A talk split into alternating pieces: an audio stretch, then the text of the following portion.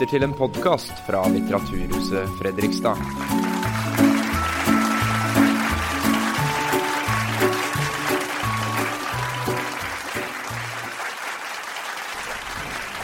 Ja, hei. Her er Stine Pilgaard. Hej og hallo. Vi skal snakke om eh, Stines oi, sin eh, bok. Og kan jeg jo begynne med å fortelle at eh, jeg ble spurt av forlaget Pelikanen om å oversette min mor sider. Og så er jeg jo, det må jeg bare innrømme, veldig øh, eh, beundrer av Knausgård. Vi er like gamle, og jeg ser på han som øh, antagelig min generasjon sin største forfatter, i hvert fall i Norge. Og man kan godt ta på flere andre land i den rekka. Eh, Så da tenker jeg alt som kommer fra Pelikanen forlag, og som vil, de vil at jeg skal gjøre, det skal jeg jammen gjøre for å være med i en slags sånn entourage på Knausgård. Eh, Men så leste jeg jo også boka, da. Etterpå. Og, og heldigvis var den fin, Stine. Så det er jeg veldig glad for på alle, på alle mulige måter. Ellers hadde jeg ikke orka å sitte her. Men det jeg skal begynne med Jeg skal lese jeg, jeg glemte av en bok nemlig som jeg hadde tenkt å lese fra. Men så googla jeg, og så fant jeg um, to dikt fra den. Fordi det går en tråd fra de to diktene som jeg skal lese nå. Etterpå så skal jeg slutte å snakke trøndersk, for det forstår ikke Stine Pilgaard. Jeg har bodd i Danmark, så da skal jeg snakke penere norsk, som du forstår. Men akkurat nå snakker jeg sånn som jeg snakker. Eh, For 20 år siden, i 1995, så oversatte jeg en bok av en amerikansk forfatter som heter Hal Sirowitz. Eh, en diktsamling som het 'Mother Said'. Sa mor. Og da leser jeg to eh, Og man kan allerede fra tittelen høre at det fins en, et slektskap her. Jeg leste to dikt som nå lå tilfeldigvis på nettet. 'Smuler'. Ikke spis mat på rommet ditt, sa mor. Da kommer det enda flere insekter. De her avhengige av folk som deg. Hvis ikke sulter de. Men hvem vil du egentlig gjøre lykkelig? Din mor eller en haug med maur? Hva har de gjort for deg? Ingenting. De har ingen følelse. De spiser godteriet ditt. Allikevel behandler du dem bedre enn du behandler meg. Du mater dem hele tiden, men du gir aldri noe til meg. Jeg traff jo herr Syrowitz flere ganger og eh, spurt eh, hvordan han hadde skrevet de diktene, og hva han hadde funnet på, og hva han hadde fra virkeligheten osv. Han sa at han hadde ikke funnet på noen ting. Og derfor så hadde han også venta til mora var død med å gi ut denne diktsamlingen. Og han var ekstremt prega eh, av å ha hatt en mor som blanda seg i alle aspekter av hans liv. Og så et til. Starten på dagen. Jeg trengte ikke å gå på skole for å lære å bli mor, sa mor. Det kom av seg selv. Hvis jeg puttet en flaske i munnen din, var du fornøyd. Hvis jeg trakk den ut for tidlig, kjedet du deg. Derfor overrasker det meg at du etter alle disse årene fremdeles ikke vet hvordan du skal oppføre deg som en sønn. Mens jeg lærte alle disse tingene om deg, lærte du ingenting om meg. Det du absolutt burde ha fått med deg, er at jeg hater å komme inn på rommet ditt og se at sengen din er uoppredd. For meg betyr det at dagen aldri kommer i gang. Morgenen starter ikke før du har redd opp sengen din.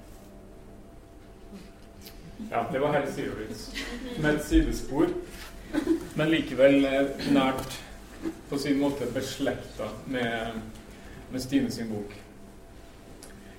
Eh, velkommen til Norge. Tak. Og egentlig burde vi være veldig takknemlige fordi det er en landskamp i dag, så alle andre er jo hjemme og lager dipp og, og gjør seg klar. Men den idealistiske gjengen der har kommet hit for å høre på, for å høre på deg. Så det, det må vi takke, takke for, egentlig. Eh, Jeg har lyst til at vi tidlig leser litt fra boka di, for å bare få en, eh, gi et eksempel på, på tonen. Men før det kan du fortelle oss litt om bakgrunnen til den boken. Og den kom i Danmark i 2012. Ja. Hvordan startet den processen? Ja. Øhm, jeg havde gået på forfatterskolen i København. Jeg har hørt, at jeg skal tale langsomt i dag. Men det må, ikke, det må ikke balancere over og så lyde, som om jeg er retarderet. Så det skal finde et eller andet naturligt leje. Ja. Øhm, jeg havde gået to år på forfatterskolen i København. Og øh, når man gør det, så har man selvfølgelig en drøm om at udgive en bog, når man er færdig. Øh, men øh, min styrke har altid været, at jeg får rigtig hurtigt gode idéer og bliver meget grebet af et projekt. Men så til gengæld, så har jeg svært ved at gøre ting færdige. Så jeg sad faktisk, da jeg blev færdig på forfatterskolen, med sådan fire forskellige øh, romanbegyndelser foran mig. Og hver roman, det var sådan en, en kæmpe stor drøm om, at det skulle være, du ved, det der lagde hele verden ned på en eller anden måde, ikke? Kan jeg skyte ind et spørgsmål? Ja. Hvad lærer man på forfatterskolen? Øh, ja, altså det er jo et godt spørgsmål. Øh, altså... Jeg, jeg, har ikke gått, jeg har ikke gått på nogen forfatter. Har du ikke gået på den i Nej, jeg er bare nysgerrig. Nej. Ja, ja. Øh, altså, man, lærer, man, man bliver præsenteret for en masse litteratur, øh, som man ikke møder på universitetet. Øh, og så lærer man jo nok mest at læse sig selv. Øh, altså den måde, en forfatterskole i København er organiseret på, det er simpelthen bare et, et bord på den der størrelse. Og så kommer der cirka 5-6 elever ind hvert år via en optagelsesprøve. Så vi er 12 elever på skolen, to årgange. Og så skiftes man simpelthen til at have tekster med. Og så den, der ligesom er i, i skudzonen, eller hvad man siger, deler, deler nogle papirer ud, læser dem op, og så skal alle sidde og tale om, hvordan det kan blive bedre. Så det er jo også lidt hårdt at gå der, fordi man har meget på spil. Altså, det, altså præmissen for at gå på skolen, det er, at man er sådan set forfatter fra den dag, man kommer ind, og vi er alle sammen kollegaer. Så, øhm, så det handler rigtig meget om, hvordan ens tekster kan blive bedre, og øhm, øh, jamen altså, at man på en eller anden måde bliver i stand til at se det, man skriver udefra. Og det er faktisk rigtig, rigtig svært, når man skriver, fordi det at skrive er jo en proces, der ligesom foregår fra inde i hjernen og så ned på papiret. Øh, det er typisk det samme som, at der er mange mennesker, der ikke aner, hvordan deres børn egentlig er. Fordi de har selv født dem, og de har selv opdraget dem. Og så kan de ikke ligesom se dem udefra som almindelige mennesker, eller hvad man skal sige. Og det er måske også det forhold, man kan have til en tekst, at den er for tæt på, til at man kan distancere sig fra den. Så på forfatterskolen arbejder man meget med, at man ligesom skal kunne, kunne sætte sig op og se sådan neutralt på den, eller hvad man skal sige. Se sine egne fælder. Men mens vi gik der, så jobbet du altså på nogle af de teksterne, som efterpå blev Ja, ja, det gjorde jeg. Ja, der var ingen, der kunne lide den på forfatterskolen, faktisk. Ja, øh, jeg, var, jeg var meget interesseret i, øh, øh, altså hvad skal man sige, virkeligheden, altså realistisk prosa, det realistiske rum. Øh, jeg var meget interesseret i, i der, hvor mennesker øh, ligner hinanden, man kan sige, hvor de overlapper.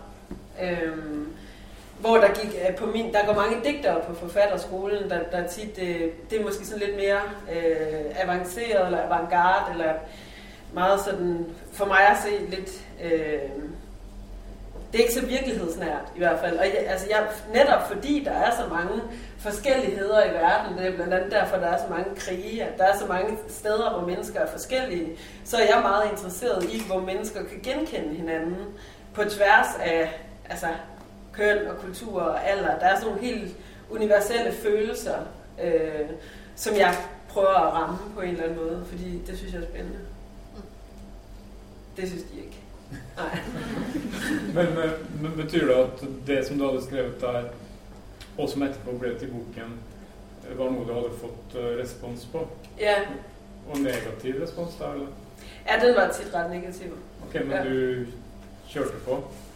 Nej, jeg blev også ked af det nogle gange, men, men jeg, jeg kunne jo ikke sidde og skrive et digt om et græsstrå. Altså, det, det er ikke mig. Altså, det er der nogen, der kan, og det bliver et skide godt digt. Men det kan jeg ikke. Altså, øh, så så jeg, jeg kunne ikke rigtig gøre andet, tror jeg ikke. Øhm, nej. Nei. Ok, men da kan du få gå tilbake til der du var Ah, tak. før jeg avbrøt. Jamen, det var bare for at sige det her, det her med, at, at når man er ung og skrivende, så bliver det meget famlende på en eller anden måde, og peget i mange forskellige retninger. Og der havde jeg en roman, som hed Er der en læge til stede? Det siger man også det i Norge. Mm. Ja, hvis, hvis nogen falder om til en fodboldkamp. Ja, der er en læge til stede. Ja. Ja. Så det, og den skulle så handle om en, en, sådan et drama om en patient og en læge, hvor patienten blev mere og mere besat af lægen, og sådan ligesom borede sig ind i hans sprog, og de her samtalekonsultationer skulle blive mere og mere sådan intense på en eller anden måde, så skulle hun slå ham ihjel til sidst, havde jeg tænkt. Men det var fordi min far, han elsker krimier, krimser, eller hvad jeg kalder dem. Mm. Ja. Øhm, så jeg synes, det, så, sådan ligesom som en gestus til ham, så skulle det ende med et mor eller sådan noget. Men det var vildt svært, fordi jeg er ikke særlig interesseret i mor. Så den sluttede her midt i samtaleforløbet. Så var der en anden roman, som hed Udbrud, som handlede om det her med at... Øh, altså, når man er man, når man er barn, har man jo nogle forældre, men jeg synes, det er en meget spændende relation, det med, når man er voksen, og også nogens barn på samme tid. Altså det her med at være et voksen barn.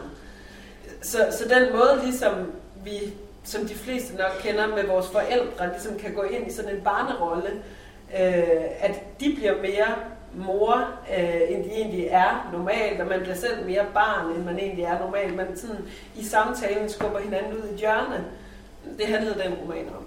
Øhm, og så var der en roman, der handlede om øhm, to, et lesbisk forhold, der gik i stykker. Hvordan det var ligesom at skulle flytte fra hinanden. Og så var der en, der hed Monologer fra en søhest, som var sådan et, et langt brev, jeg skrev til, til alle folk, jeg savnede. Det var sådan en lidt anden genre. Øhm, men så var det, da jeg gik ud af forfatterskolen, jeg sad og så på de her fire forskellige manuskripter. Og de havde du skrevet? Uh... Ja, jeg gik altid i stå mellem side 30 og 40. Okay. Tre timer, fire timer, ja. Så, sådan, så jeg havde sådan en masse starter, kan man sige, på romaner. Og så var det, da jeg sad og tænkte, hvilken en skal jeg satse på, så fandt jeg ud af, at de handlede egentlig meget om det samme. De handlede alle sammen om noget med kærlighed på den ene eller den anden måde. Kærlighed til vores forældre, kærlighed til vores ekskærester. Øhm, og så handlede det også meget om kommunikation. Altså, hvordan taler vi sammen? Og hvad er det, sproget gør for vores relationer? Øhm, så jeg tænkte, okay, altså fortælleren mindede også meget om hinanden, og mindede meget om mig selv i øvrigt, ikke? Så jeg tænkte sådan, det kunne være, at jeg ligesom kunne få det skrevet sammen til en roman. Og så endte jeg ligesom med at, at sy den sammen, eller hvad man skal sige, prøve at ændre lidt på en eller anden måde, så, for så havde jeg jo lige pludselig over 100 sider, det var dejligt, ikke? Øhm, og så ligesom, det var ligesom sådan en kludetæppe faktisk, man, man sætter sammen, ikke? Og de over 100 sider, de kunne du bruge mere eller mindre direkte, eller? Ja, ja, mere eller mindre. Og, og det sjove var, at da den så begyndte at få en form, så blev det nemmere at skrive på den. Så kom der lige 100 sider til, fordi så var der ligesom et, et mærke. Men kanskje vi skal læse bare Ja. en liten passage, sånn at det blir litt mer konkret hva Ja. vi snakker om. Skal vi lige sige kort, hvad den handler om? Eh, Gjerne det. Det er bare fordi, nu har jeg sagt de jeg her fire forskellige. hva handler den om? Hvad handler den om? Øh, den handler om en, en kvinde midt i 20'erne, som øh, bliver forladt af sin kæreste, der er en kvinde, og så flytter hun hjem til sin far, som er præst, øh, for ligesom at, hvad skal man sige, komme ovenpå igen. Øh, ja, og så bor hun egentlig bare der og ser, drikker sig fuld og ser tv-serier, og så til sidst bliver hun lykkelig igen. Det er sådan meget simpelt gjort. Ja, og så er det en mor som hele tiden forsøker å præcis. bryte gjennom Der er, der er en mor, som hele tiden vil have, at hun skal få det bedre på morens måde. Lidt ligesom vi hørte i, i digtene. Og så, og så har hun også mange konsultationer med sin læge. Man kan sige, at det er en roman, der består meget af samtaler. Mm. Så det, vi har en fortæller, der taler meget med sin mor, og sin læge, og sin far, og så sin spindoktor. Det er hendes bedste veninde, som hun kalder for spindoktoren. Ja. Så det er sådan en slags sådan næsten teaterspil, kan man sige. Hvis du leser først, Ja. så kan jeg lese den samme passasjen på norsk. Og hvis Ok. det blir mer lesning, så leser vi bare på dansk. Okay.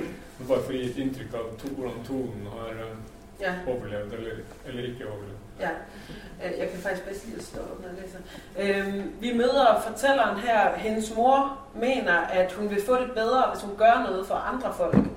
Og så er der landsindsamling til kræftens bekæmpelse, og moren plager ligesom med, du får noget mening i dit liv, hvis, hvis du samler ind til kræftens bekæmpelse.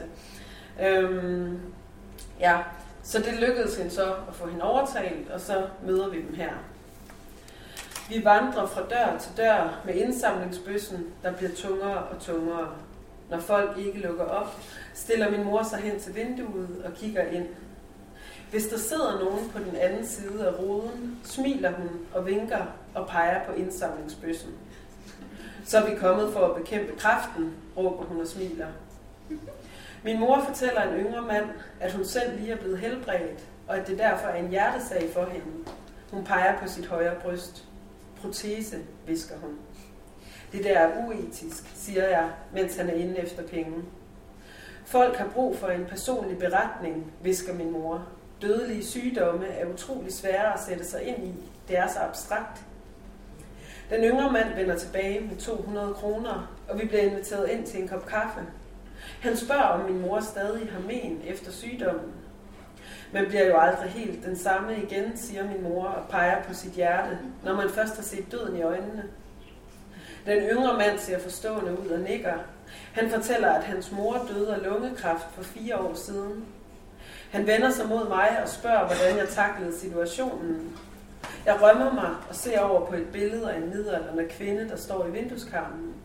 Fantastisk, siger min mor. Skat, du var en klippe gennem hele forløbet.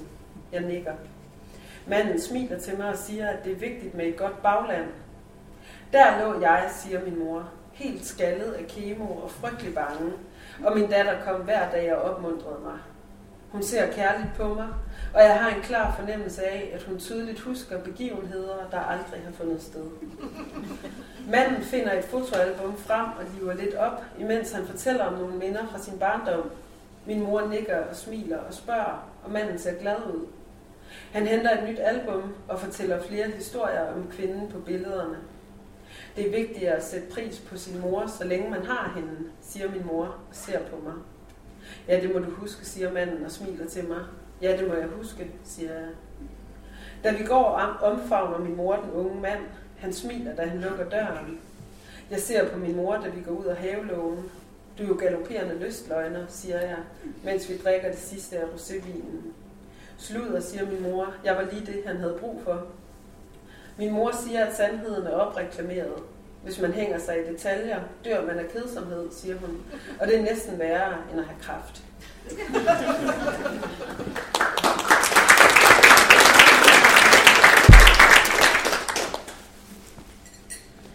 Vi går fra dør til dør med innsamlingsbøssen som blir tyngre og tyngre.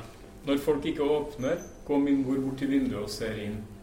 Hvis noen befinner seg på den andre siden av vinduet, smiler hun og vinker og peker på innsamlingsbøssen. Vi har kommet for å bekjempe kreften, roper hun og smiler. Min mor forteller en ung mann at hun nettopp har blitt frisk selv, og at dette derfor er en hjertesak for henne. Hun peker på det høyre brystet sitt. Protese, hvisker hun. Det er uetisk, sier jeg, mens han forsvinner inn etter penger. Folk trenger en personlig vinkel, hvisker min mor. Dødelige sykdommer er veldig vanskelig å sette seg inn i, det er så abstrakt. Den unge mannen kommer tilbake med 200 kroner, og vi blir invitert inn på en kopp kaffe. Han spør om min mor fortsatt har men etter sykdommen. Man blir jo aldri helt den samme igjen, sier min mor og peker på hjertet sitt, når man først har sett døden i øynene. Den unge mannen nikker forståelsesfullt. Han forteller at moren hans døde av lungekreft for fire år siden. Han snur seg mot meg og spør hvordan jeg kom meg gjennom det. Jeg kremter og ser mot vinduskarmen hvor det står et bilde av en middelaldrende kvinne. Fantastisk, sier min mor. Du var en klippe gjennom hele prosessen. Jeg nikker. Mannen smiler til meg og sier at det er viktig å ha gode folk rundt seg. Der lå jeg, sier min mor, helt skallet etter kjemoterapien og fryktelig engstelig, og datteren min kom hver dag og oppmuntret meg. Hun ser kjærlig på meg, og jeg får en klar fornemmelse av at hun klart og tydelig husker ting som aldri har funnet sted. Mannen finner frem et fotoalbum og blir litt lettere til sinns mens han gjenforteller et par barndomsminner. Min mor nikker og smiler og spør, og mannen ser glad ut. Han henter et nytt album og forteller flere historier om kvinnen på bildene. Det er viktig å sette pris på moren sin så lenge man har henne, sier min mor og ser på meg. Ja, det må du huske, sier mannen og smiler til meg. Ja, det må jeg huske, sier jeg. Når vi går, omfavner min mor den unge mannen. Han smiler idet han lukker døren. Du er jo galopperende mytoman, sier jeg mens vi drikker det siste av rosévinen. Sludder, sier min mor. Jeg var akkurat det han trengte. Min mor sier at sannheten er oppskrytt. Hvis man henger seg opp i detaljer, dør man av ensomhet, sier hun. Og det er nesten verre enn å ha kreft. Uh, jeg tror jo at uh, en annen årsak til at jeg sikkert ble spurt om å oversette her, som jeg fort oppdaget da jeg begynte å oversette, er jo at vi Altså mitt forfatterskap og, og, og ditt har en ganske overlappende tone til tider. Altså vi har en Hva skal jeg si En, en, en slags um, glede av å ta ting ganske langt ut. Ja. Uh, og, og, samtidig mye oppmerksomhet på, på det språklige. Altså det, det ganske ja, finspillet, da, hvis man kan si det, uh, i, i, valg av ord osv. Og, så og humoren det, Boken har en annen side som vi kommer tilbake til etter hvert. Men, men mye av det som handler om mor, far, legen og, og denne venninnen, er holdt i en veldig sånn sardonisk uh, tilbakeholdt, sånn uh, underdrevet tone, som det veldig fort blir mye humor i. Og da tenker jeg eller det kunne vært interessant å vite hva, hvordan oppstår den typen humor? Altså i, i dine ideer. Er, det der, er de der på idéplanet? Eh, å ja, er det vanskelig med mikrofonen? Ja. Var den humoren også? Ja, eh, men nå er det bedre? Ja. Er ideene humoristiske i seg selv, eller er det noe som oppstår språklig når du skriver. Uh... Ja. Øhm, nu, nu talte du selv også om dit eget forfatterskab, og jeg tror, øhm, at vi begge to har en forkærlighed for mennesker, der er lidt for meget. Her tænker jeg især på øh, Volvo Lasvanger, som var den sidste, jeg læste, som starter med mig, altså på dansk, øh, mig, Britt er blevet frataget retten til at holde undulater. Og det er jo egentlig en, en neutral sætning. Det er en, en kendskærning, den starter med. Men i den sætning, for eksempel er det bare sjovt, der står undulater. Altså, du ved, det er bare sjovt på en eller anden måde. Så, og, og, og, og hele det her med at blive frataget retten, det lyder sådan meget alvorligt. Og undulater, det, er ligesom, det tilhører et andet sprogdomæne. Det er et kæledyr, ikke? Så man kan sige, at allerede i den sætning er der en, øhm, en overraskelse. Altså man, man blander øh, ord fra to forskellige øh, områder, kan man sige.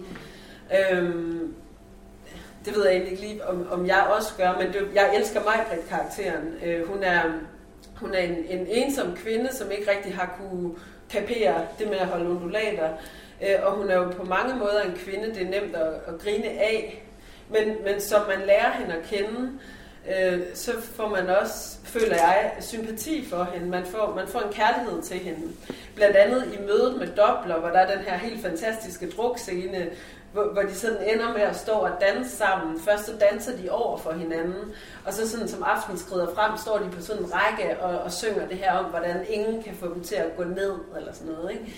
Og, og jeg synes, det er så stærkt, det der billede med, med to, det er Dobler og, og Majbrit, der danser, to meget ekscentriske, ensomme mennesker, der, der på mange måder har det svært i verden, og så insisterer på den her dans, først over for hinanden, og så at de faktisk vælger at stille sig på en række.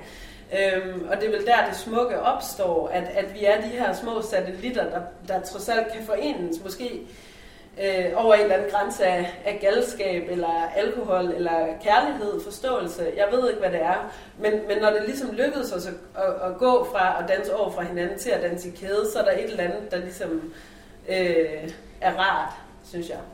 Og det her, lige præcis det afsnit, vi har læst op, øh, handler jo om, om en mor, der lyver. Ikke? Altså hun, hun lyver om at have kraft. Det må man ikke. Det må man ikke i Danmark i hvert fald. Men, øh, men man kan sige, at den her løgn, hun sætter i scene, den skaber faktisk et rum. Den, den, altså, jeg, jeg fik ideen til den her scene, øh, fordi min, min bedste vens far døde meget pludseligt af kræft. Og, øhm, og han sagde til mig der, min ven, at, at det værste var næsten ikke, at faren var død. Det værste var, at han kunne ikke få lov til at mindes ham. Fordi at, at, at kraften og sorgen var sådan et tabu, så når han begyndte ligesom at sige, og jeg kan huske dengang min far, så blev folk sådan, de synes det var ubehageligt. De begyndte at undgå ham. Og den ensomhed, synes jeg var så hjerteskærende, ikke? Øhm, og så tænker jeg, at, at i den her passage, der bruger moren jo løgnen til at skabe et rum, hvor, hvor, hvor den unge mand kan være med sin sorg. Altså, altså via, via løgnen, så får hun skabt faktisk øh, en plads og et fællesskab, der ikke var der før. At de kommer faktisk til at nærme sig hinanden øh, på grund af noget, der ikke er sket. Og, og det er vel det, som jeg synes er, er spændende, og for mig er det også meget et billede på, hvad litteraturen kan. Altså det her med, når vi fortæller, altså vi, vi lyver jo hele tiden, vi er forfattere, vi, vi får penge for at sidde og lyve og skrive det ned, ikke? Og, og vi håber vel begge to, at, at nogen vil læse det, og så bare i de timer, de læser det, ligesom øh, føle sig, som man siger i Danmark, i godt selskab, men, eller, eller føle sig set eller forstået, eller at give dem, at give dem en, en, øh, en parallel verden, de kan træde ind i som en lille pause, eller et sted, hvor der er plads til noget. Ikke? Et, et fællesskab med nogle læsere, vi måske aldrig har set, men hvor sproget kan skabe en, en forståelse om end kortvejt. Mm. Det var langt svært. Ja. Det var fint. Jeg blev lige reddet med af mig selv, kunne jeg Men altså, når du skriver såpass morsomt som du gjør, for det er, det er helt klart en, en morsom bok. Altså, man ler eh, til og med høyt eh, flere ganger, vil jeg tro, eh, at også andre gjør. Møter du eh, en slags eh, holdning av at siden du skriver så morsomt, så er det ikke så kan det ikke samtidig være tungt og viktig og alvorlig og ordentlig? Eller, eh, eller klarer du å overbevise mm. danskene eh, om at du har klart begge deler? på en måte? Øh, altså det er jo selvfølgelig forskelligt fra læser til læser, øh, men jeg synes, at kritikerne har taget den alvorligt. Altså det, det synes jeg, de har. Jeg ved ikke, hvordan det ser ud i norsk litteratur, men men der er, der er en meget stor alvor i den nye danske litteratur. Altså det, det er nogle altså, vildt fine bøger, men, men der, der er en vis sådan, højtidelighed, synes jeg. Øh, altså der er ikke særlig mange, der interesserer sig for øh, måske humor eller genkendelighed. Når, når jeg taler om humor, så oplever jeg tit, at når folk kan genkende noget, så synes de, det er sjovt hvis der er rigtig mange, der har sagt til mig, ej, det ligner min mor, det der. Og, øh, altså, det er som om, at når folk føler sig set på en eller anden måde, at så synes de, det er skægt. Og det siger jo også ret meget øh, på en eller anden måde. Ikke? Øh, så jeg tænker, at hvis jeg skal arbejde med humor, jeg prøver på ikke at tænke for meget på det, for hver gang jeg prøver at være sjov, så er det aldrig. Altså hver gang jeg vil fortælle en vits, så bliver den dårlig, fordi at, at øh, at det er defineret, hvornår de skal grine. Så, så jeg prøver på ikke at tænke på det. Men altså, hverdagen er enormt sjov, og hvis man, hvis man dyrker det her med at beskrive noget præcist, så kan det måske være sjovt at læse, fordi at man føler sig genkendt eller et eller andet, men folk griner alt. Der er jo ingen, der griner af noget, som de ikke forstår. Altså, så, så, så jeg tænker, jeg ved ikke engang, om det er sådan en humor, jeg arbejder med, men det er vel lige så meget det der med, en genkendelighed eller et spejl, og hvis man så øver sig i at, at gøre det spejl nuanceret eller detaljerigt, så tror jeg, at det egentlig kan skabe noget humor, uden at det er sådan, at du sidder og laver vitser. Forstår du, hvad jeg mener? Altså på øh, fortælleplanet her, så har du en, øh, en, altså en let en lett, hva skal man si, en historie som flyter lett, og som er lett å følge, og morsom og spennende. Også eh, om at hun, hun, blir, hun, flytter fra sin kjæreste, som yeah. du sa. Flytter hjem til sin far. Moren forsøker hele tiden å banke på og få henne inn. Og hun har en lege som hun går og snakker med og delvis eh, blir opptatt av, blir mm. forelsket i. Eh, men så har du også noen punkter eh, som heter monologer fra en sjøhest, yeah. som du nummererer, som det finnes ganske mange av.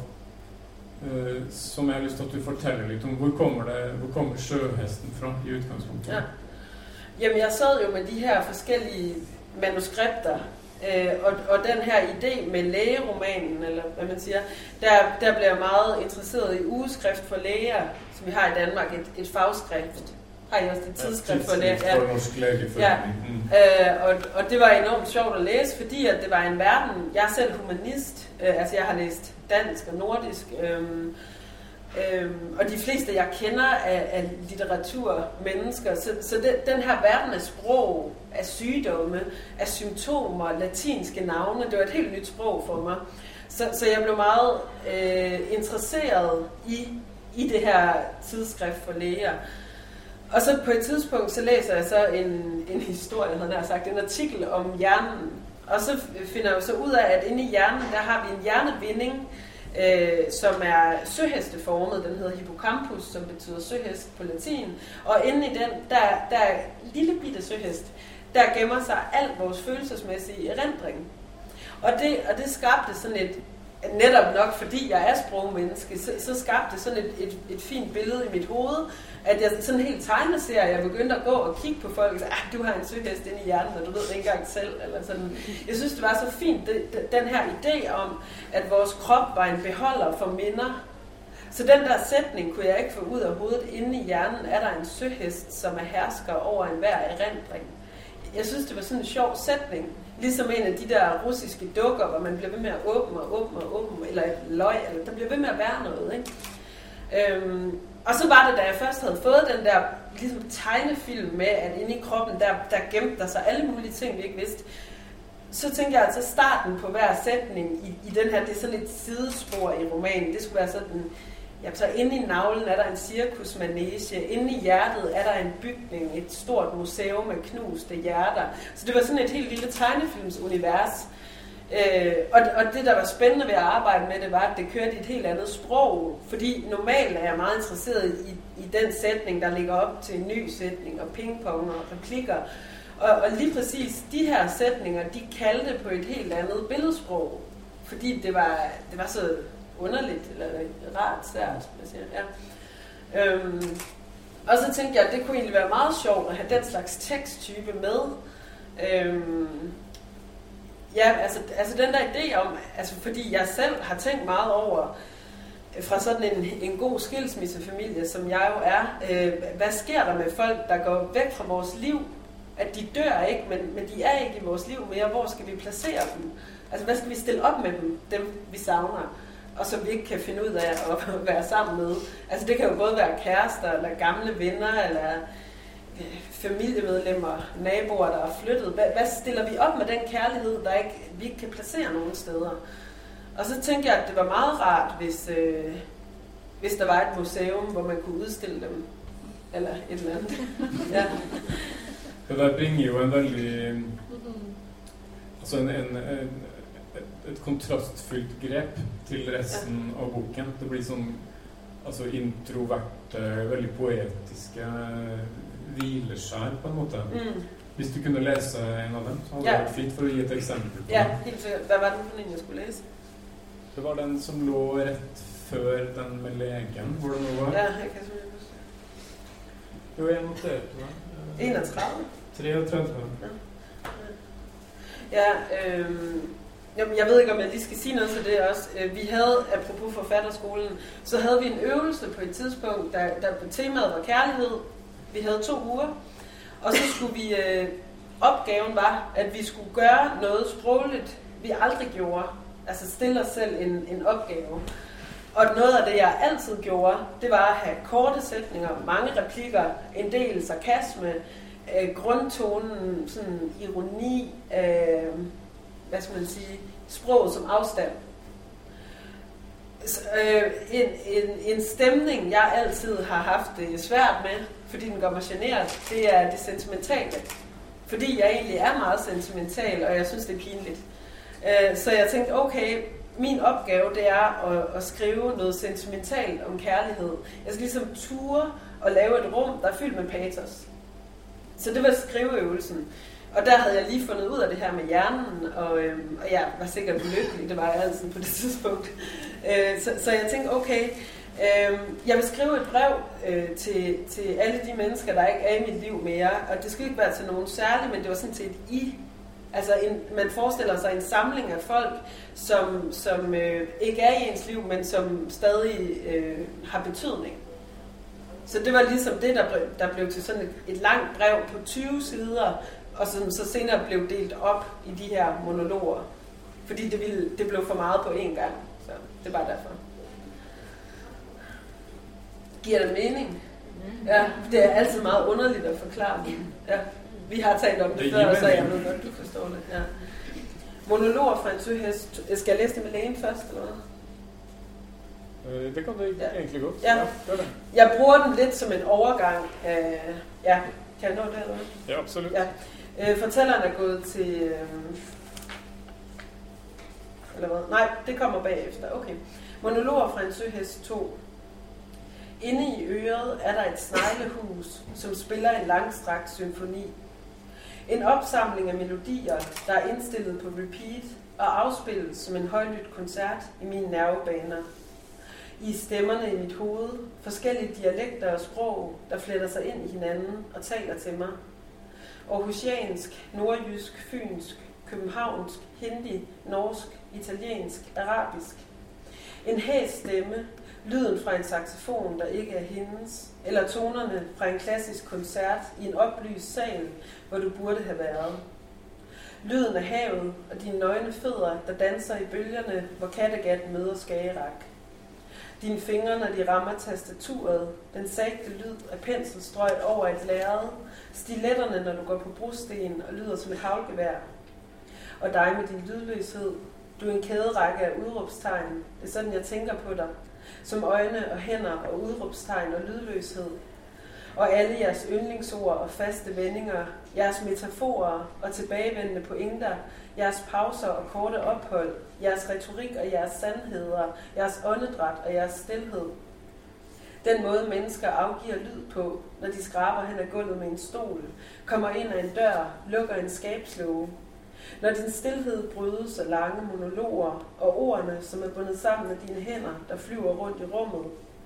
Og dig med din uforbeholdende latter, de høje rytmiske lyde, der bliver til et billede og breder sig ud over hele din krop. Nakken, du læner tilbage, og læberne, der adskilles, og dine øjne, der forsvinder i små sprækker. Jeg er så afhængig af denne latter, fortæller dig de mest vanvittige historier, lyver og overdriver for at fremkalde dine lyde, kilder dig, bider dig i øret, viser dig sjove klip fra gamle film, læser lange sekvenser op fra bøger, alt sammen for at denne latter skal fortsætte i det uendelige.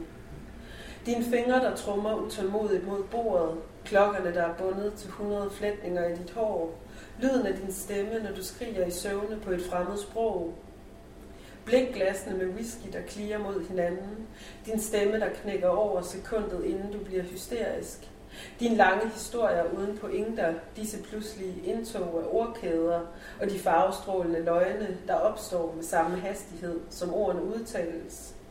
Du taler og taler, mens historierne folder sig ud. Din stemme hæver og sænker sig, og det gnistrende i dine øjne og blinkende i dine pupiller afspejler et hvert stemningsskift.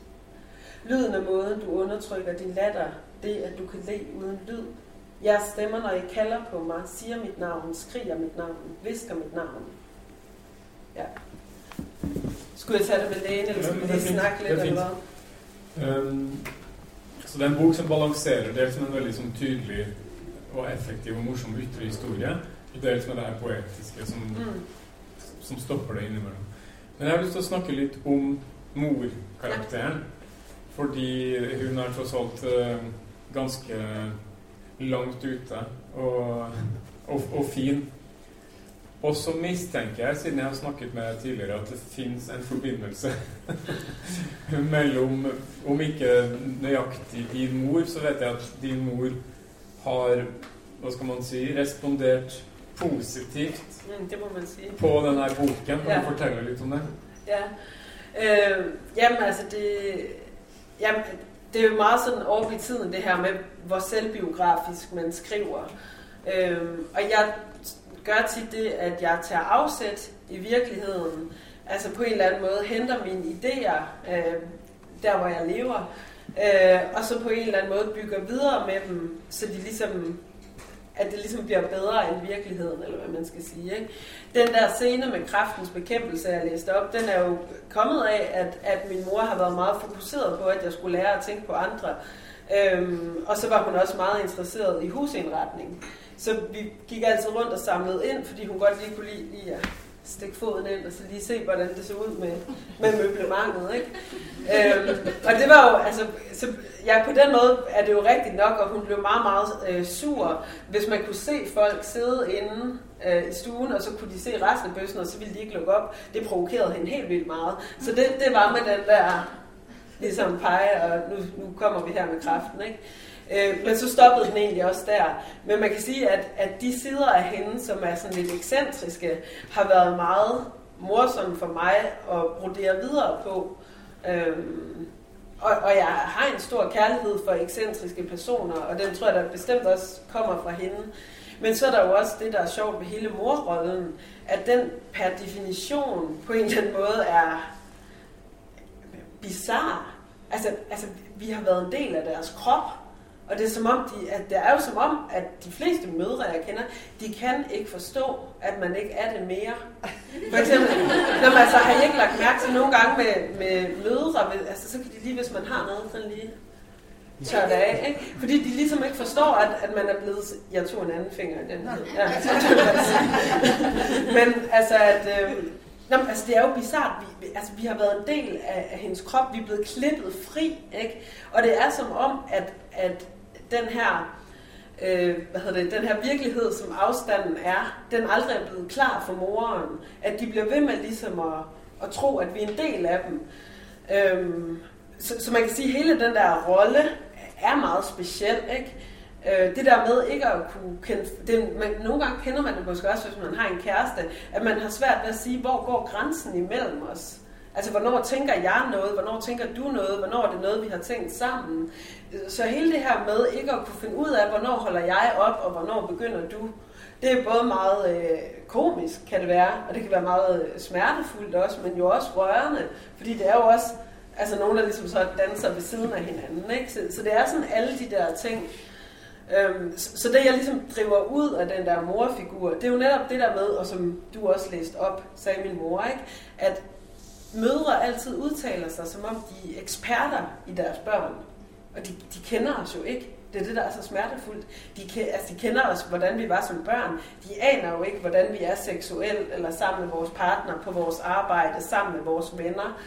Men de bliver ved med at tale som om, at de ved alt om os. Og det er sådan, synes jeg, per definition sjovt. Altså, det er det bare. Øh, og sådan de ting, de bliver ved med at gentage, ikke? Altså, min mor, hun kan blive ved med at sige, se dig for, når du går over vejen.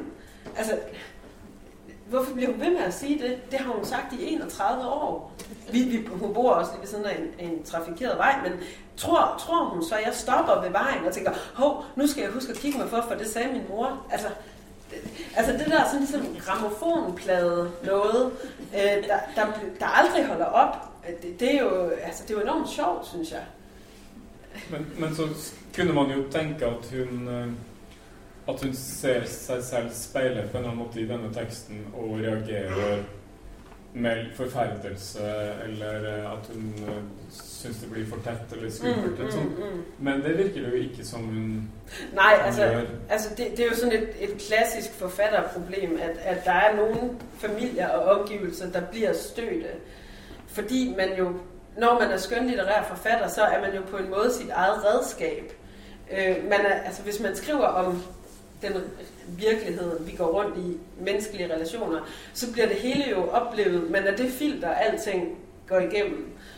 Øh, men øh, heldigvis har min mor og jeg samme humor, øh, og det tror jeg har hjulpet os rigtig meget.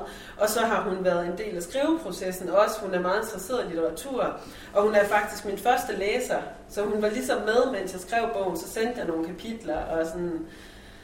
Og hun synes faktisk altid, at det var helt fantastisk, så det var meget dejligt. Men i hvert fald, så, så talte jeg jo også, det var en mor, der fyldte meget, og jeg talte jo også med hende om, det her er en del af dig, og så har jeg brygget videre. Altså. Og så har hun selv fået lov til også at bestemme nogle ting. Min mor hun er for eksempel pædagog, men, øh, men meget interesseret i boligindretning. Og så ringede hun til mig en dag og sagde, Åh, skat, kan jeg ikke blive ejendomsmaler?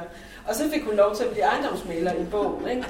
øh, og, og man kan sige, at i og med, hun bidrager til den fiktion, så kan hun jo godt se, at det er fiktion, ikke? Ligesom hun, har, hun havde to, har to bedste veninder, og hun ville gerne have deres navne var med i bogen.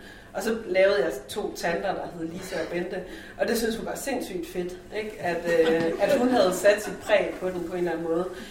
Så jeg tror, det har været klogt af mig at, at tale med hende om tilblivelsen, i stedet for at hun bare ser den i boghandlen. Ikke? Øhm, og så har hun, og det er hende, føler jeg, der, den er også dedikeret til, til min mor. Ikke? Øhm, og der har jeg så med vilje, i stedet for at skrive til min mor, har jeg skrevet til Elsbeth Cecilie Pilgaard, som hun hedder. Altså for ligesom at, at skille de her to ad, for at sige, her er en morfigur, hun er bygget over min mor, men min egen mor har et navn. Altså hun er, hun er mere end min mor, man skal sige. Ikke? Det var hun også sindssygt glad for i øvrigt, at den blev dedikeret til hende. Øh, ja, og, og, og, ja, og det du måske refererer til, hun, hun bor i Aarhus jo, i Danmark, og hun har sådan været rundt øh, i boghandlerne. Hvis ikke bogen var udstillet, så har hun så ligesom taget solbriller på. Hun tror, folk ved, at, hun tror, folk ved, at hun er min mor. Det gør de øh, Og sådan sagt, jeg har set så mange gode kritikere anmeldelser af den. Jeg vil, altså, hvis det var mig, der havde den her butik, så ville jeg bare sætte den i vinduet. Det er bare. Altså, så hun har været en stor støtte og givetvis øh, skyld i det gode salg af min bog i Aarhus. øhm, ja, men, men det er netop altså, min opvækst med hende, som har haft en, en virkelig god fantasi, og måske også har haft det her med, hvis man hænger sig i sandheden, dør man af kedsomhed. Det har været inspirerende for mig som barn, fordi at det har været med til at få mig til at skrive, øhm, i stedet for en eller anden kedelig mor, der altid sagde, du skal sige det rigtige. At så foretræk hun egentlig tit den gode historie, frem for hvad der nu var sket. Og det, det ser der som en kæmpe styrke, når jeg skriver, at ikke at hænge sig i virkeligheden. Så, så på den måde har hun jo været en, en gave. Øhm, det siger hun også tit selv. hvad med, hvad med farsfiguren? Som ja. i boken er jo mye mere jordbundet, altså ja. solid og ja. ikke, ikke så hva skal man si, hekt, hektisk og, mm. og selvopptatt, og han er prest. Og, ja. Fins det også en far som har reagert noe på denne boken? Øh, min far har ikke samme glæde af at være i rampelyset, som min mor har. øh, så jeg har... Øh, han er, min far er ikke præst. Jeg gjorde ham med vilje til præst, fordi at øh, min far er, er hedning. Han har intet med, med Gud at gøre. Øh, så, så det var på en eller anden måde... Han er nok den type, der ikke ville synes, det var fedt at se sig selv i en bog. Men, hvad skal jeg sige, jeg har jo kun prøvet at have en far, så, så for mig er en far min far, ikke? Så, så der er der, han er der også meget den type, og det er jo en meget kærlig far også, og meget sådan en, altså, det mener jeg er positivt, men han er god til at være normal. Og det er meget rart at have en far, der er god til at være normal, hvis man har en mor, der, der ligesom øh, eksperimenterer lidt mere med virkeligheden. Så på den måde, øh, fungerer det jo rigtig godt sammen, både som mine forældre, men også i bogen, fordi der skal være nogle forskellige karakterer. Men jeg har med vilje lagt nogle, nogle fiktioner ind, øh, for, for at han ikke skulle føle sig... Øh, men han, altså det er så sjovt, fordi han læser aldrig bøger, og så havde jeg sendt manuskriptet til ham og spurgt, om, om han kunne lide det og sådan noget. og så sagde han bare sådan, jeg tror, det er det mest geniale, jeg nogensinde har læst. det er sådan utrolig forældreagtigt, for han har aldrig læst noget. Men, men sådan, altså, og det, altså, det ved jeg ikke, det er jo bare sindssygt dejligt at have nogle forældre, der, hvor man ikke skal gøre ret meget, så synes de bare, wow. Altså hvis jeg sad i, uh, i Fakta eller et eller andet, så ville jeg også synes, hun er den hurtigste til at indlæse stregkoder nogensinde. Eller sådan, altså den der sådan opbakning, ikke? Øh, og jeg tror næsten, hvis man skal skrive sådan en bog, så tror jeg, at det er en fordel at have det godt med sine forældre øh, og sine ekskærester. ja. Eller bryte med dem. Eller bryde med dem, ja. Kan man også. Det kan man også. um, når jeg læser dig, så, så får jeg en fornemmelse av at det kommer, at det kommer lett, at det faller deg lett. Ja. Um, kan du si noe om det? Og om, om prosess, bare? Altså ja. skrivemåte, rytme og så videre? Ja. Øh, jamen, altså, jeg, det går meget hurtigt, når jeg skriver. Det tager meget lang tid at redigere, men selve skrivningen går hurtigt.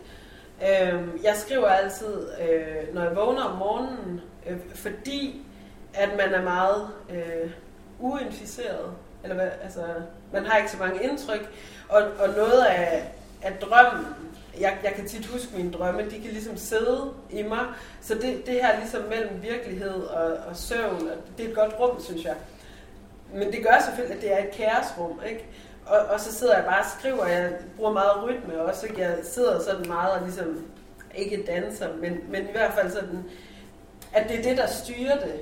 Øh, men det er måske derfor, at kapitlerne er meget korte, og at det, det er de her meget sådan fragmenter på en eller anden måde, øh, og de her forskellige idéer. Så jeg tror, at selve min skrivning er enormt kaotisk og intuitiv, og jeg prøver altid på ikke at vide, hvad jeg vil. Jeg vidste, at jeg gerne ville undersøge misforståelser og, og kommunikation, men jeg havde ikke nogen sådan sandhed. Fordi så snart jeg får en sandhed, så bliver det dårlige tekster det er på en eller anden måde vigtigt, synes jeg, at holde nysgerrigheden øh, varm. Altså hele tiden at blive ved med at, at være, eller begæret, kunne man sige. Altså, altså begæret efter at nærme sig noget. Og så snart man så har nærmet sig det, så, kan man, så skal man flytte begæret. Eller sådan. Så jeg, altså, ellers bliver det kedeligt virkelig for læseren. Hvis, ja. Så jeg prøver på hele tiden at holde begæret levende på en eller anden måde. Øhm, og så er det til allersidst, at jeg prøver at lave de der strukturer. Men der har jeg sådan set skrevet bogen, så skal den så bare sættes sammen. Sådan har det været med begge mine bøger. Øhm, og det, og det, det tog et år. Altså, så det tager lang tid at skrive ting sammen. Ikke? Men selve, selve det at lave nogle scener, det, det synes jeg går hurtigt. Og sikkert fordi jeg arbejder intuitivt og ikke ved, hvad jeg vil. Men vet du aldrig, hvad du vil, eller har du, har, har du et sæt notater, eller in, kommer indfallene fra dag til dag, mens du sitter der? Øh, da jeg skrev min mor siger, der følte jeg mig meget misforstået. Så det var nok en grundstemning. Øh, jeg følte, at øh, jeg følte mig ensom og misforstået. Øh, og det tror jeg godt, man kan mærke, at det var sådan en grund. Altså, jeg var selv lige øh, gået fra min kæreste, og jeg, jeg var forvirret. Og, altså, og der var en stor irritation ved, at jeg synes, at jeg at folk ikke forstod, hvad jeg sagde. Altså, øh, og så begyndte jeg at interessere mig for, sådan, hvorfor er det, vi skubber hinanden ud i sådan nogle positioner, hvor vi ikke rigtig... Mm. Så, så det lå nok som sådan en energi. Min nye bog, Lejlighedssange, øh, der, der havde jeg desværre haft et år, hvor jeg oplevede mange dødsfald, så der tænkte jeg rigtig meget på døden, og sådan det her med livsfortællinger, og, og øh, hvordan, hvordan konstruerer vi øh, den måde, vi fortæller vores liv. Det fylder meget lejlighedssange, tror jeg, fordi jeg selv havde ligesom, ja, jeg havde bare været til rigtig mange begravelser. Øh, så, så det kom til at bestemme noget. Ikke fordi det er ikke en særlig sørgelig bog, men, men døden findes mange steder. Øhm, så, så på den måde, der, der er nok en eller anden grundstemning, som der nok er i de fleste menneskers liv. Ikke? Altså nogle år er, er gode, og man skifter måske livsepoke og, og ser nogle andre ting, eller Øh, så, så på den måde altså, så fylder min egen situation eller stemning rigtig meget for stemningen, men ikke nødvendigvis handlingen. Nu kom du selv ind på den uh, nyeste boken, altså lejlighedssanger. Ja. Eller altså sanger til festlige ja, anledninger. Ja. Det heter også lejlighedssanger på, på norsk, men det er lidt gammel modig kanskje. Som jeg også skal oversette. Forresten, um, selv om jeg ikke har lest den, for jeg synes det er veldig mye mer spennende å oversette og lese samtidig, ellers begynner jeg å kjede meg. Um, men jeg har bladd her og der, da. Og jeg har sett at den handler om uh, et par som flytter inn i et, uh, en andelsforening som heter ja. i Danmark. Da, et borettslag hvor man kjøper en andel. Ja. Uh, og så blir hun en slags husets dikter for de ja. små og store anledninger. Ja. Kunne du tenkt deg å lese en passasje fra den? Ja, det kan jeg. Og så, hvis det er noen som har lyst til å spørre om noe etterpå, så kan dere sitte og forberede det. Alltid smertefullt. eh, men det er også frivillig. Og det er virkelig dejligt, hvis der er spørgsmål. I skal ikke holde jer tilbage på nogen måde. Øhm, det er sådan, at øhm, hvad hedder det, vores fortæller lejlighedssange. Skal bare skyde ind en ting?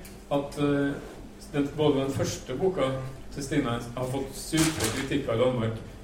Hun er ute kvelden, alle kvelder og leser over hele Danmark, så hun er, hun er hot i Danmark, kan man uh, ha i, i mente mens man, mens man nå sitter her. Det burde jeg jo opplyst om helt i starten. Men uh, du sætter virkelig bare en højt lige Ja, nå altså, legger jeg list- lista veldig høyt. ja. det er sådan med fortælleren, at Men det her er den vanskelige andre boka, som hun har klart med bravur, da, ifølge danske anmeldere. du har ikke engang læst. Nei, jeg har ikke lyst.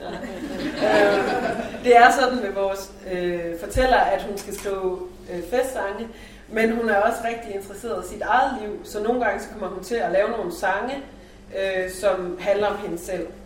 Øh, og det er nogle sange, som... Var det mig? Hold. Ja. Øhm, virker, virker det stadig? Ja. Ja. Nå. Øhm, hvad hedder det?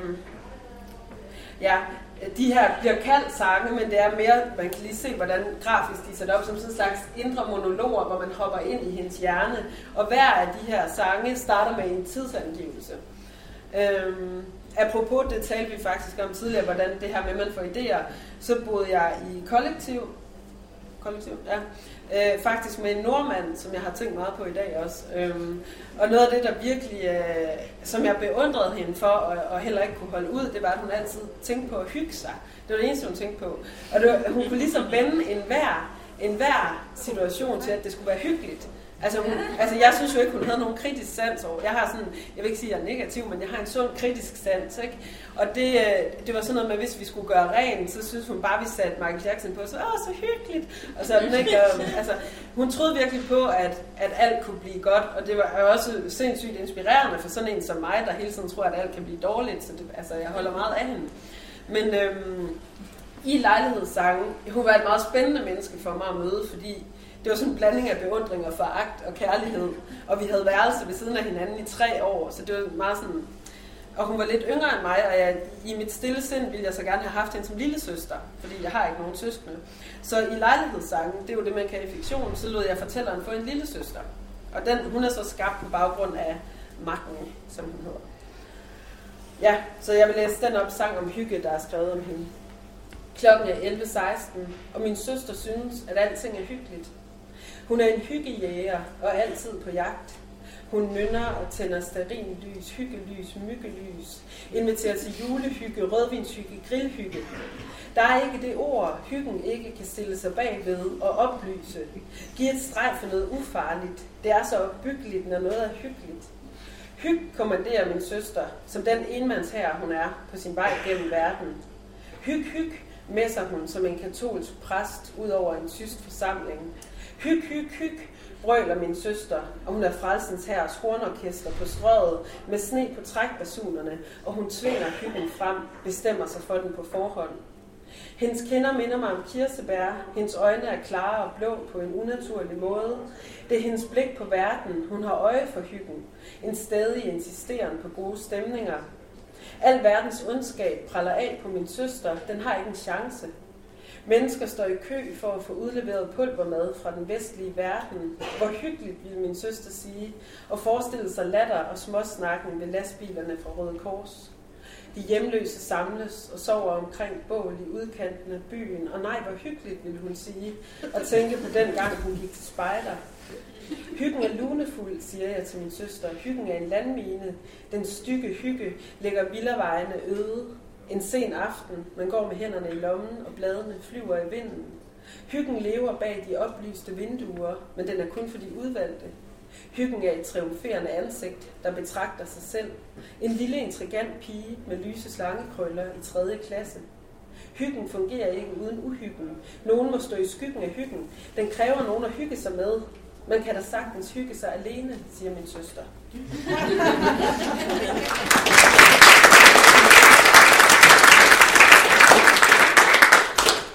Planen er at den skal komme på norsk en gang over jul. Ish.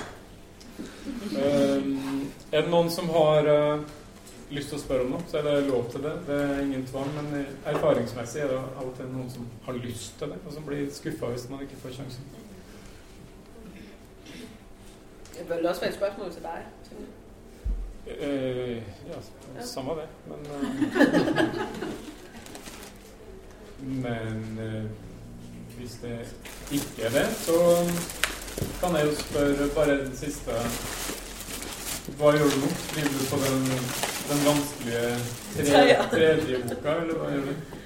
Ja, det, ja, det gør jeg vel. Altså, jeg, jeg bruger meget tid på nu at præsentere lejlighedssange øh, i Danmark. Øhm, men altså, jeg, jeg har øh, 50 sider af et nyt manuskript, og det er stadigvæk døden. Jeg har interviewet nogle øh, bedemænd. Det hedder det også det her? Begravelses... Altså begravelses Begravelsesmænd, ja. ja. Begravelsesagenter, ja. Øhm, fordi jeg tænkte, det kunne være spændende, hvis fortælleren måske øh, arbejdede i en begravelsesforretning. Fordi at døden er så mange ting, at den kan være meget selvfølgelig sørgelig. Den er også meget akavet, blandt andet fordi den koster mange penge, og der er mange sådan interesser, der skal tilgodeses. Det kan skabe store konflikter i en familie.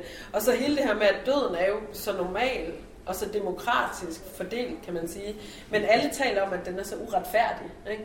Så der er sådan et eller andet med hele den måde, vi taler om døden på, og det, øhm, det tabu, den er. Altså jeg synes, det er sjovt, at vi bruger så lang tid på at ignorere, at vi skal dø, når, øh, når det nu er en forudsætning for, at vi er i live.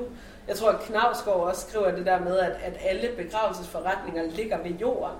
Ikke? Altså det er sådan helt symbolsk øh, lavet på en eller anden måde. Ikke? Og, øh, ja, og så er der en meget, jeg ved ikke om den også er kommet til Norge, men der er en meget ny begravelseskultur i Danmark, som handler meget om det individuelle, hvor man kan få kister formet som motorcykler, eller man, altså jo flere penge man giver, jo mere kan man ligesom individualisere. Man kan også få bæredygtige begravelser, økologiske kister, og så bedemændene er sådan lidt i krig med krematorierne, fordi der er sådan lidt uenighed om, om sivkister. Det er sådan en stor sag.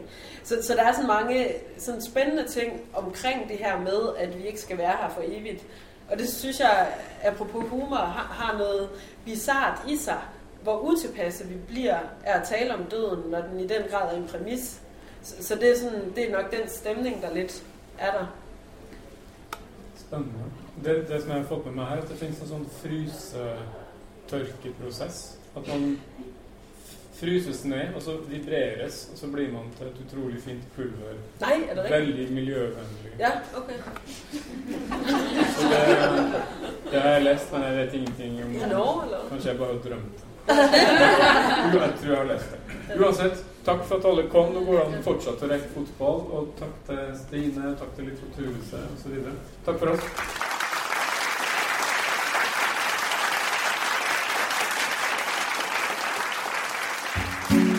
Nå har du hørt en podkast fra Litteraturhuset Fredrikstad. For mer informasjon, klikk deg inn på litthusfred.no.